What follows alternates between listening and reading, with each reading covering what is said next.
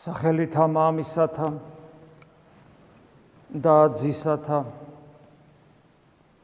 და სული საწმინდისათა. ქრისტე აღსდგა.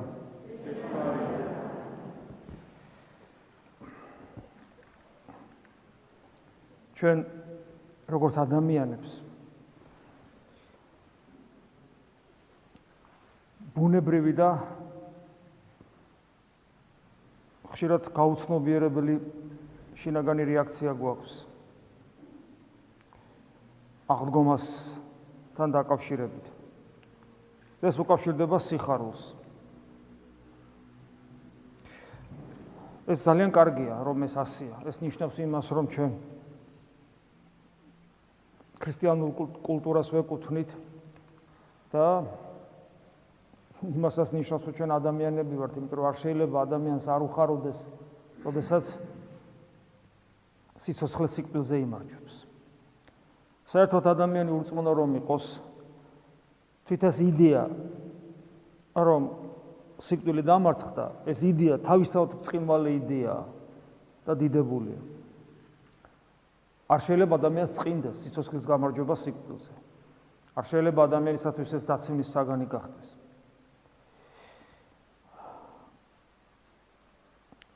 მაგრამ ერთია შინაგანი ეს ეს რეაქცია ინტუიციური, ქვეცნობიერი, სპონტანურიც, კულტურიდან გამომდინარეც.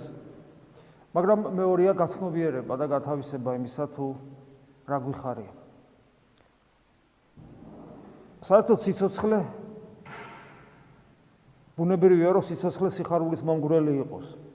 მე მესმის არსებობს ძიმე სიცოცხლეს, ძიმე ცხოვრებას, არსებობს თავისთავად ცხადია, მაგრამ თავისთავად სიცოცხლე სიკეთეა რომ ვარსებობთ როგორც ადამიანები. ადამიანური არსებობა იმით განსხვავდება ყველა სხვა არსებობისაგან მაგალითად ქვის არსებობისაგან. თუნდაც მაღალ განვითარებული ცხოველის არსებობისაგან. ადამიანი აცნობიერებს თავის არსებობას. ადამიანი აცნობიერებს თავის ყოფიერებას და იმას რომ ცოცხალია. და იცის რომ მოკვდება. აი ყველაფერს აცნობიერებს ფოტოშოპის ქვა და ასანა მაღალ განვითარებული იყოს ცხოველი, ცხოველი რომელსაც ტკივა და გავრუბლის ტკივილს, მიუხედავად ამისა, ცხოველი როგორც ქვა ვერაცნობიერებს იმას, რომ ის არის როგორც ცოცხალი, ის შეიძლება მოკვდეს, მაგრამ თავის სიცოცხლეს, თავის ყოფიერებას, თავის პიროვნულობას, თავის ინდივიდუალურობას აცნობიერებს. ჩვენ ვაცნობიერებთ და მართლაც არაფერი ამაზე ძვირფასი არ აქვს. თუ რამე ღირებულია ჩვენ ცხოვრებაში? თუ რამე ღირებულია ჩვენ ცხოვრებაში? ყველაფერი უკავშირდება სიცოცხლეს თავისთავად ცხადია მაგრამ ჩვენ ვიცით რომ სიცოცხლეს პერსპექტივა არ აქვს თუ არ არის ღმერთი. მადლობა ხმარ ჩვენ მორწმუნენი ვართ მაგრამ ჩვენ ხო ვიცით რომ ჩვენი რწმენა სუსტია, ძალიან სუსტია. ყველაზე მეტად ეს ვლინდება მაშინ, როდესაც ადამიანი განსაკუთრებულ ექსტრემალურ მდგომარეობაში ვარდება. ექსტრემალური მდგომარეობა მაინდამაინც არ არის აუცილებელი იყოს განსაცდელი, რაღაცა რო გიჭირს და ხედავ რომ ყველაფერი იმედი დაკარგულია და თითქოს ღმერთის დუმს და არქშველის და შეიძლება ამ დროს ადამიანმა რწმენა დაკარგოს. რწმენა ხშირად ასე დროს გამოცდას ვერ უძლებს ადამიანები ღვთის გმობასაც კი იწყებენ ხოლმე. მაგრამ ადამიანები რწმენას კარგავენ არა მარტო და ასე გამოცდას ვერ უძლებ ვერ უძლებენ არა მარტო განსასწრელის ჟამს.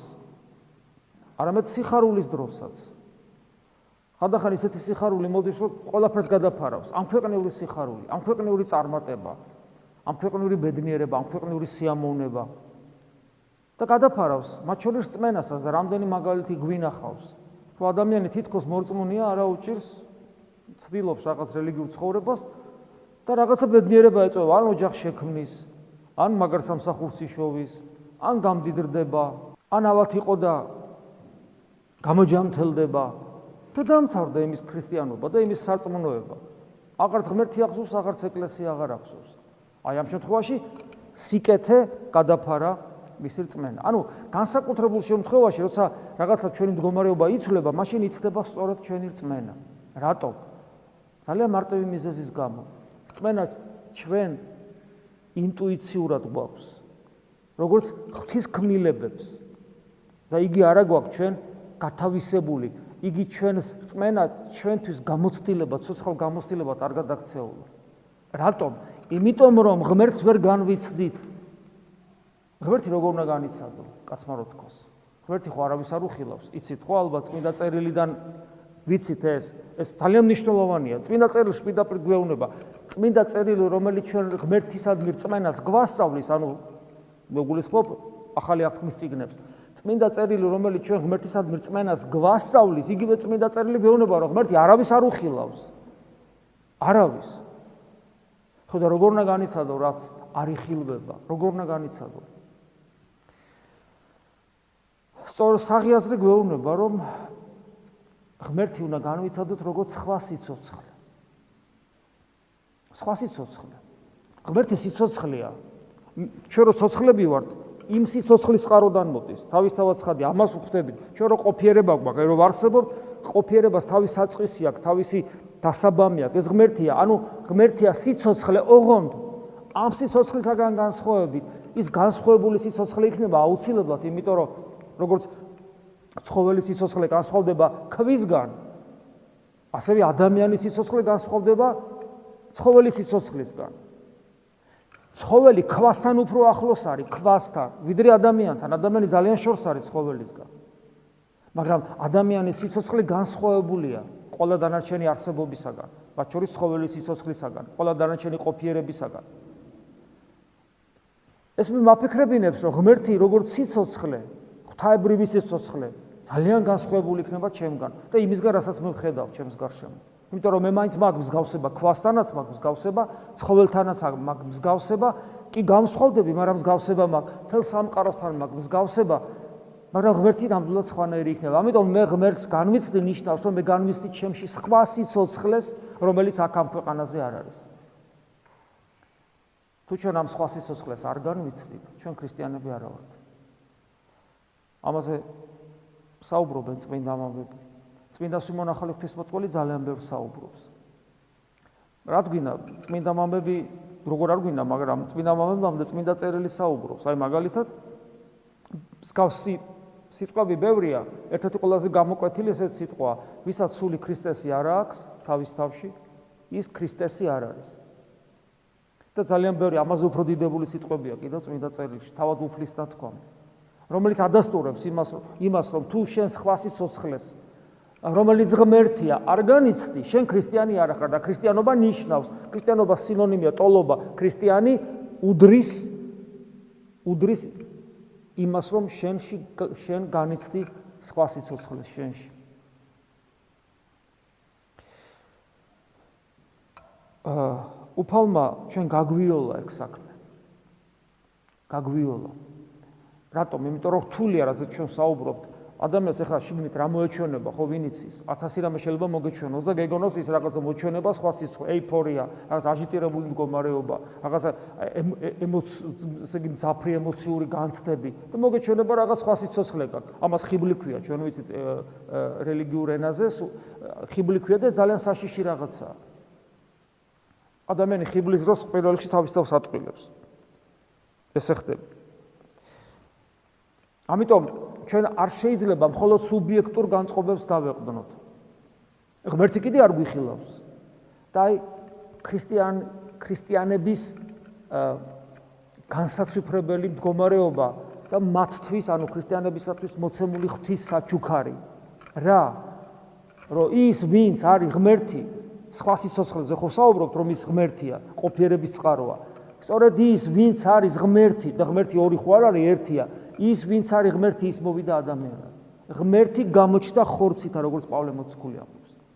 ღმერთი არავის არ უხილავს, მაგრამ გამოჩნდა ხორცით. როგორ გამოჩნდა ხორცით? ზეღმერთის ყოვლადწმინდა სამების მეორე პირმა ადამიანური ბუნება მიიღო და გამოჩნდა ხორცით. იესო ქრისტე პიროვნულად არის ზეღმერთი galaktikების შემოქმედი. უფრო განცდათ განც რო განვიცადოთ ეს სიტყვა რას ნიშნავს ღმერთი galaktikების შემოქმედი თელი სამყაროს შემოქმედი არის პიროვნულად იესო ქრისტე ადამიანი კი არ არის ზეღმერთია პიროვნულად მაგრამ ძეღმერთმა პიროვნულად თავის პიროვნებაში შეიერთა ადამიანური ხორცი და სული. რას ნიშნავს ეს? ეს ნიშნავს იმას, აი, ჩემი პიროვნება როგორ უნდა დაინახოს ადამიანმა. მე ხო არ მიცნობს სხვა ადამიანი, როგორ უნდა მიხდეს ჩემი პიროვნება, ხო არ ჩანს, როგორ უნდა მიხდეს ვინა ვარ?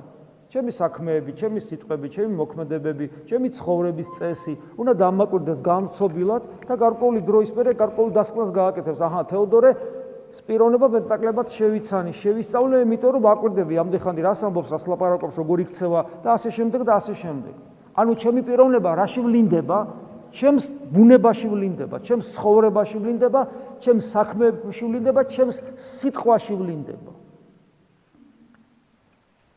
ესე იგი ნახეთ რა გამოვიდა, ღმერთი რომელიც არავის არ უხილავს, რადგან ხორციელი ბუნება მიიღო, ხორციელში გულისხმობა სულიერი, ანუ მთლიანი ადამიანური ბუნება მიიღო, ხორცი და სული ადამიანური. რადგან იგი გამოჩნდა ხორცით, როგორც პავლე მოციქული ამბობს, ესე იგი ღმერთის პიროვნება, რომელიც არავის არ უხილავს, ის თავის თავს ავლენს როგორც ადამიანი ადამიანურ ბუნებაში და მისი ხილვა გახდა შესაძლებელი. როგორც ჩემი პიროვნების ხილვა შესაძლებელი, ჩემი ბუნების მიერ როგორ ცხოვრობ, როგორ საუბრობ, რას ვაკეთებ. ასევე ღმერთის ხილვა გახდა შესაძლებელი იმიტომ, რომ იგი თავის თავს ავლენს როგორც ადამიანი. ხო, მაგარი რამე, ეს ხო საოცრება. ამიტომაც არის უცნაური, უცნაური რომ ადამიანი ცდილობს ქრისტიანულად იცხოვროს, ეკლესიურად იცხოვროს, აღსარებები თქვას ეზიაროს და სახარებასთან ახალ აღთქმის წიგნებთან ინტენსიური, ინტენსიური კავშირი არ აქვს. ამიტომ რომ წმინდა წერილში ჩანს იესო ქრისტე როგორც პიროვნება. ანუ ღმერთი ჩანს. როგორია? რა უნდა? რა სიტყობს ჩვენგან? რა მაგალითს გვაძლევს? ღმერთი რომელიც არავის არ უხილავს წმინდა წერილში ჩანს. სანდოა წმინდა წერილი, იმიტომ რომ ღმერთი ყოვლის შემძლეა და მან შევი თევანდელი დღისთვისაც შემოინახა ზუსტად ისე როგორც მოციქულები ხედავდნენ, ზუსტად ისე შემილია დავინახო. ზუსტად იგივე გავიგო, რასაც მოციქულებს ეუბნებოდა.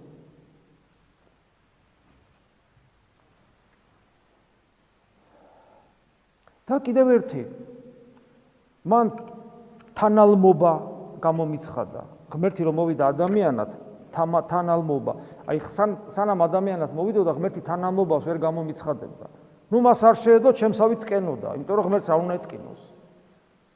ღმერთს ვერ შეავიწრებდა და უსამართლოდ ვერ მოექცეოდა. ღმერთს როგორ მოექცევა ამ ზეს მოექცე ახლა უსამართლოდ აბა. როგორ უნდა მოექცე? ღმერთს უსამართლოდ. ვერაფერს ვერ უზავ ვერაფერს ვერ დააკლებ. შეურაცხყოფას ვერ მიაყენებ ვერ შეავიწროვებ ვერ დაამცირებ ვერაფერს ვერ ნუ ვერც მოკლავ თავის თავად ხადია. ვერ დატანჯავ. ამიტომ თანალმობი ჩემი ტკივილებისა ღმერთი ვერ იქნება. მას უყვარვარ. შეიძლება. მაგრამ მე შემიძლია თქვა რომ ეგრე ის სიყვარული იოლია. ეგე უცხო ბავშვები რო უყვართ ხოლმე. ხო აი სხვის ბავშვო დაინახავ ლამაზ ბავშვ ქუჩაში რომ ნუ ირა საყვარელი ხარ ეთყვი. გადასარევი მართლაც ესია, მაგრამ ეს ხო სიყვარული არ არის. სიყვარული არის ღამეებს რო უთევს და რო უთენებ და რო გაბრაზებს და ასე შემდეგ. მაგრამ აი ადამიანად რომ მოვიდა უკვე ჩვენი ტკივილების თანალმობი გახდა. თანაელმო ჩვენს ტკივილებს. და ყველაფერი რაც ადამიანს ჭირს ყველაფერი ჭირდა ცოდვის გარდა. ყველაფერი უბედურება რაც შეიძლება ადამიანს დაემართოს ყველაფერი დაემართა. ყველაფერი მთელი სამყარო აღსდგა მის წინააღმდეგ. იერუსალიმიდან მისი განდევნა და იქ მისი მოკვდინება ეს ნიშნავს ეს იერუსალიმი ამ შემთხვევაში როგორც ერთგვარი მოდელი მთელი სამყაროს. და იერუსალიმში ცა ვიღაცა ჯგუფმა ხო არა? იქ იყო საერო ხელისუფლება, ის იქ იყო საეკლესიო რელიგიური ხელისუფლება, იქ იყვნენ განათლებული ადამიანები, იქ იყვნენ მეომრები და იქ იყო უბრალო ხალხი. ყველა მერდროულად უარყო და უერთგულესმა და უახლოესმა ადამიანებმა მიატოვეს, მოციქულებმა მიატოვეს. დანარჩენებმა ყველა მოარყო, ფაქტობრივად და გაიყვანეს თავის სამყოფელი და როგორც რაღაც როგორც რაღაც საძაგელი და საზიზღარი და საძულველი, როგორც ესაია წინასწარმეტყველი საოცრად ამბობს თავის 53 თავში, რომ საძულველი იქნა კაცთა წინაშე. როგორც საძულველი გაიყვანეს და მოკლეს, აი რაღაცა შეგეზიზღება და მოიცილებ. აი ესე მოკლეს. მანამდე აფურთხეს ყველანაირად შეუწიხლები ხელები უტყეს და ასინეს ზები აღარ უკრეს და მოიცილეს და მოკლეს. აი ეს გაუკეთეს.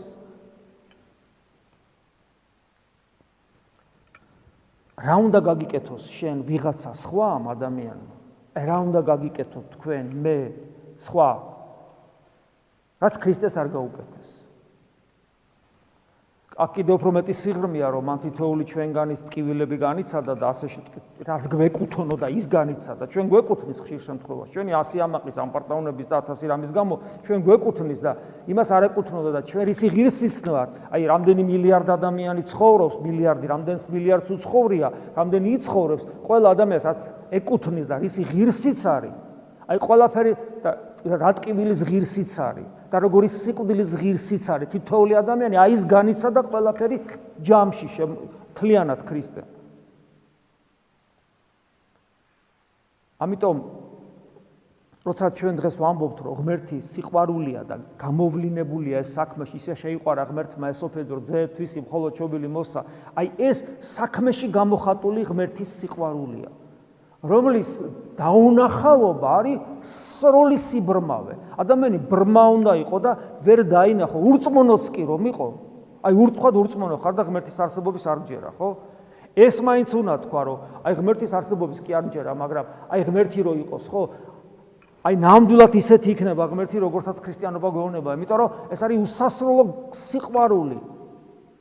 გამოხატული ქრისტესი ადამიანების მიმართ და როგორი ადამიანების მიმართ? როგორი ადამიანების მიმართ? იმ ადამიანების მიმართ, რომლებიც მას კლავენ, აფურთხებენ და მე ჯვარს რომ მიალურსმეს, ქვემოდან დგანან და დასინიან და ის კიდე იქიდან პატიებს. და მათთვის ლოცულობს. ეს მაგალითია ჩვენთვის. ჩვენ პატარა შეხებაზე ვიღრინებით, ერთმანეთს უღრენთ, ვერ ვიტანთ ერთმანეთს, სუმტრები გველანდება. უფალი გვეუბნება არა, მე მომბაძე, შეხო გინა ქრისტიანი იყო. ნუ ნუ იქცევი, უღმერთ როგორც უღმერთო. არამედ თუ ქრისტიანი ხარ ჩემსავით უნდა მოიქცე იმიტომ მოვედი. და მე დაგეხმარები. უფალი შეგვეწევა. იმ სათნოებებს რომელსაც რომელიც ქრისტეს გვამსგავსებს ეს სათნოებები ჩვენ ამ სათნოებებს ჩვენ ვერ აღვასრულებთ ამას უფალი გვეუბნება ჩემს გარეშე ვერ აღვასრულებთ მაგრამ ჩემს გარეშე ვერ აღვასრულებთ აღასრულებთო მაგრამ ქრისტესთან ერთად აღვასრულებთ და მან გაიარა ყველა ჩვენი ცხოვრების გზა, რასაც ჩვენ გავდივარ და ყველაზე მთავარიც გაიარა, ყველაზე საშინელი, სიკვდილი გაიარა. ქრისტე როგორ შეიძლება მომკვდარიყო? რატო უკვდებით ჩვენ? იმიტომ უკვდე ორი მიზეზის გამო უკვდებით. იმიტომ პირველი რომ ღირსნი ვართ სიკვდილის, იმიტომ რომ ღმერთს დაცილებულები ვარ და მოშებული ნატურა აღარ ანათებს. ჩვენ მოშებული ნატურა ვართ. და უკვდებით. აუცილებლად უნდა მოუკვდე და ჩვენ ეს არის ჩვენი ბუნებითი მდგომარეობა და ღირსნი ვართ სოდვილობის გამო. და მე ჩვენი ჩვენი ხორცი როგორ არ მოკვდება, იმიტომ რომ ჩვენი ჩვენი ხორცი ეყოთნის ჩვენ პიროვნებას. უпроსორედ ღირსნი ჩვენ დაავადებულნი ვართ ადამიანის გენეტიკური მემკვიდრეობით და აუცილებლად მოკვდებით და ღირსნი ვართ, იმიტომ რომ ჩვენი ბუნება ეყოთნის ჩვენ პიროვნებას, რომელიცაც ერთი სული აქვს ეშმაკს დაემსგავსოს თავისი ეგოიზმით, ანგარებით, მრისხანებით, უსიყვარულობით, შურით და ასე შემდეგ. ესე იგი მდგომარეობაც ესეთი გვაქვს ავანტყოფური და ღირსნიცვაც რომ მოუკვდეთ. ქრისტე რატო უნდა მომკვდარიყო? ის პიროვნულად სამყარო შემოქმედია. ეს არის წმინდა. ამიტომ იქ მაგრამ ჩვენს გამო, ჩვენს გამო მოკვდა. ანუ შენ რო უნდა მოკვდე და მე რო უნდა მოკვდე ჩვენს მაგივრად მოკვდა იმ სიკვდილით რომელიც სიკვდილიც მე მე სიკვდილისაგან გამანთავისუფლებს და აქ მოხდა საოცრება. ქრისტე კვდება ანუ მასში სიკვდილი შედის აი შემოვიდა სიკვდილი და მოკვდი. სიკვდილი აქ არის? როგორც ღმერთი ცოცხლდება, აღდგა მკვდრეთი და შეკყოფი სიკვდილი მოკვდა. ამიტომაც არის სიკვდილითა სიკვდილისა დამდგუნველი. მან ქრისტემ სიკვდილით მოკვდა სიკვდილით, ქრისტემ სიკვდილით მოკვლა სიკვდილი. შემოუშვა მოკვდა და გაცოცხლებით მოკლა მასში არსებული სიკვდილი და მისი ბუნება გახდა უკვდავი. უკვდავი. და ჩვენ რო ვეზიარებით, სწორედ კვდათით აღდგარ მაცხოვრის ხელს ვეზიარებ. ესე იგი, ნახეთ რა ხდება. ღმერთი, რომელიც ჩვენ გვწამს, ის მოვიდა ადამიანად და ყველაფერი, რასაც მე გესაუბრეთ, ეს საოცრება მოხდა სამყაროში და ჩვენ აი ამის რწმენა გვაქვს. ეს წმენა გვაქვს. და აღდგომა, ხა რას ნიშნავს აღდგომა? აღდგომა რომ არ ყოფილიყო. მაშინ ჩვენი რწმენა იქნებოდა სისულელე. ანუ ჩვენი რწმენის სიდიადე რა არის? რომ იესო ქრისტე პიროვნულად არ არის ადამიანი. იესო ქრისტე პიროვნულად არის galaktikების შემოქმედი და მისი ყოველი სიტყვა არის ღმერთის სიტყვა. ეს არის ჩვენი წმენის სიდიადე და ამ დროს ღმერთი, რომელიც გვეუბ და ამ დროს ადამიანურ ენაზე გვეუბნება, რომ სიყვარულს გვიხსნის, გვეუბნება, რომ მას ჩვენ ვუყვარვართ და მას სურს, რომ ჩვენ მარადულად მასთან ვიყოთ. მას სურს, რომ ჩვენს გულში დამკვიდრდეს. ის გვიფრთხილდება, მათ შორის ჩვენს თავისუფლებას. ჩვენზე ზრუნავს. ოღონდ ზრუნვა ტკბილი ნამსხვის ჭამის მსგავს ზრუნვა კი არ არის. ეს ზრუნვა არის აღზრდელობითი ზრუნვა. მას მისი ზრუნვა ჩვენდამი გამოიხატება იმაში, რომ მას უნდა რომ დაგვიმსგავსოს, ჩვენ მას უნდა რომ ჩვენ მას დავემსგავსოთ. მას სურს რომ ჩვენ გავხდეთ ღმერთნი. და როგორც თავის ზეციურ მამას უწოდებს მამას, ჩვენს ღმერთს ზეციურ მამას უწოდოთ მამა მასთან ერთად. ამიტომ ის ჩვენ ძმას და დას გვიწოდებს, მეგობარს გვიწოდებს. მოწაფეობისკენ გავალდებულებს. ჩვენს გულში შემოსვლას ცდილობს როგორც ღმერთი თუ ჩვენ გულის კარებს გაუღებ და სურს სადაც თვითონ არის მარადიულად ჩვენს მასთან ვიყოთ ყოვლა წმინდა სამების სიახში და აი ზრუნვა ნიშნავს იმას რომ მას ყველაფერს აკეთებს იმისათვის რომ ჩვენ ამ გზას არ ავწდეთ ხანდახან ცოტა მისი ზრუნვა წარეც კი ახოლმე. წარეც, აი რომ ბავში რო ცუდად იქცევა, რომ აღზრდელობითი მეთოდი ხანდახან წარე რო ახოლმე. ან ქირურგივით მოქმედებ, როცა ოპერაციას გვიტარებ. სხვა გზას არ უტოვებთ და იმიტომ. ქრისტეს აღდგომა რომ არ ყოფილიყო, ესე იგი ნიშნავს, რომ ქრისტე ღმერთი არ არის.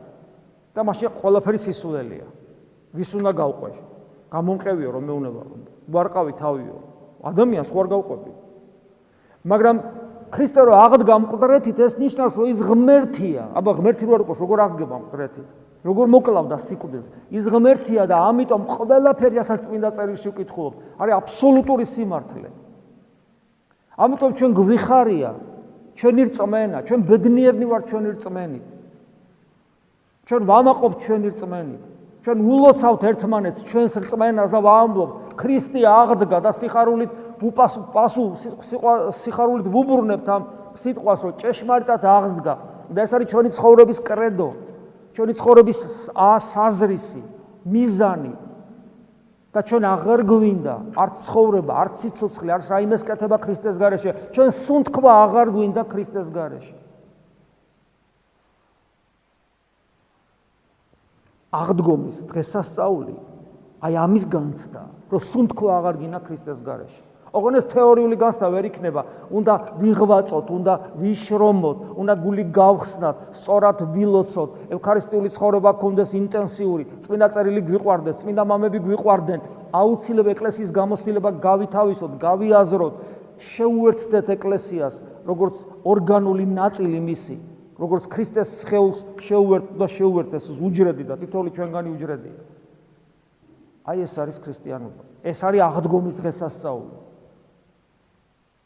ამიტომ თუ ადამიანი სწორად ემზადებოდა მთელი ამ პერიოდის განმავლობაში და შესაბამისად სწორად მივიდა აღდგომის დღემდე, მას უფალი აჩუქებს აუცილებლად გულში. პატარას, პატარას უნიშნელოს თითქოს, მაგრამ მაინც განსხვავებულ სიცოცხლის განცდას გულში აჩუქებს აუცილებლად. და გონიერი ადამიანი ამას გაუფრთხილდება და აღდგომის მერე პირველსავე სუფრაზე ჩათრობით და მემთრალობით კი არ ჩაკლავს. არამედ სულიერ ცხოვრებას გააგზელებს. მე რა რომ არ ხვა დამთავრდა. არც ლოცვა დამთავრებულა, არც ზიარებითი და ევქარისტიული ცხოვრება დამთავრებულა, არც წმინდა წერილი დამთავრებულა, არც წმინდა მამები არ დამთავრებულა, არც უფლის ზიება არ დამთავრებულა და რატომ უნდა დამთავრდეს? ჩვენ ხო ამით სუნთქავ. სხვა რა გვაქვს ამაზე კარგი? ან რა შეიძლება გქონდეს ამაზე კარგი? ასე რომ ჩვენ მობილიზებული ვიყავით მთელი 48 დღის განმავლობაში, რომ მოვსულიყავით დღევანდელ დღემდე და დღევანდელ დღეს მოვედით, არა იმიტომ რომ კიდევ ვიმეორებ პირველსავე სუფრაზე ღვინოში ჩავახჩოთ ეს სიკეთე. არამედ იმიტომ გავიხსნილოთ კი ბატონო, გავიხსნილოთ ხორცის ჭამო და ღვინოს დავლიოთ. მაგრამ არ ჩავახჩოთ მემთრალეობით და ამ დღემდე მოვედით არა იმიტომ რომ აქ პაუზა გავაკეთოთ უკეთეს შემთხვევაში და უარეს შემთხვევაში ყველაფერი წყალში ჩავყაროთ. არამედ არანაირი პაუზა მოვედით აქამდე, იმიტომ რომ გავაგზელოთ წინსვლა. წინსად, საწინ, უფლის ძიებისკენ, კვლავ გულის გახსნის მცდელობა. უფრო მეტად ჩაღმავება წმინდა წერილში და ლოცვის უფრო მეტად სწავლა და ასე შემდეგ. შესაბამისად, ناقოფად სერიოზული დამოკიდებულება საკუთარი სიცოცხლისადმი და ქრისტედან მოგურილი საოცარი სიხარული და მხიარულება, რომელსაც თითოეული ჩვენგანი გულით ატარებს. იმიტომ რომ ჩვენ გულით ვატარებთ სხვა სიცოცხლეს, რომელიც ამ ქვეყნური სიცოცხლე არ არის. ეს არის სხვა სიცოცხლე, ისეთი სიცოცხლე, რომელსაც ისეთი ბედნიერება და სიხარული მოაქვს, ისეთი სიკეთე მოაქვს, რომელიც ამ ქვეყანაზე ვერც თვალით ვანახავ, ვერც ყურით გაიგონებ და ვერც გული დაგიდასტურებს. გილოცავთ და ვერთმა მოგცეს ძალა, რომ არ დაგვეპაუზებინოს ჩვენი სულიერი ცხოვრება დღევანდელ დღეს და გაგვეგზელებინოს. ქრისტე აღსდგა.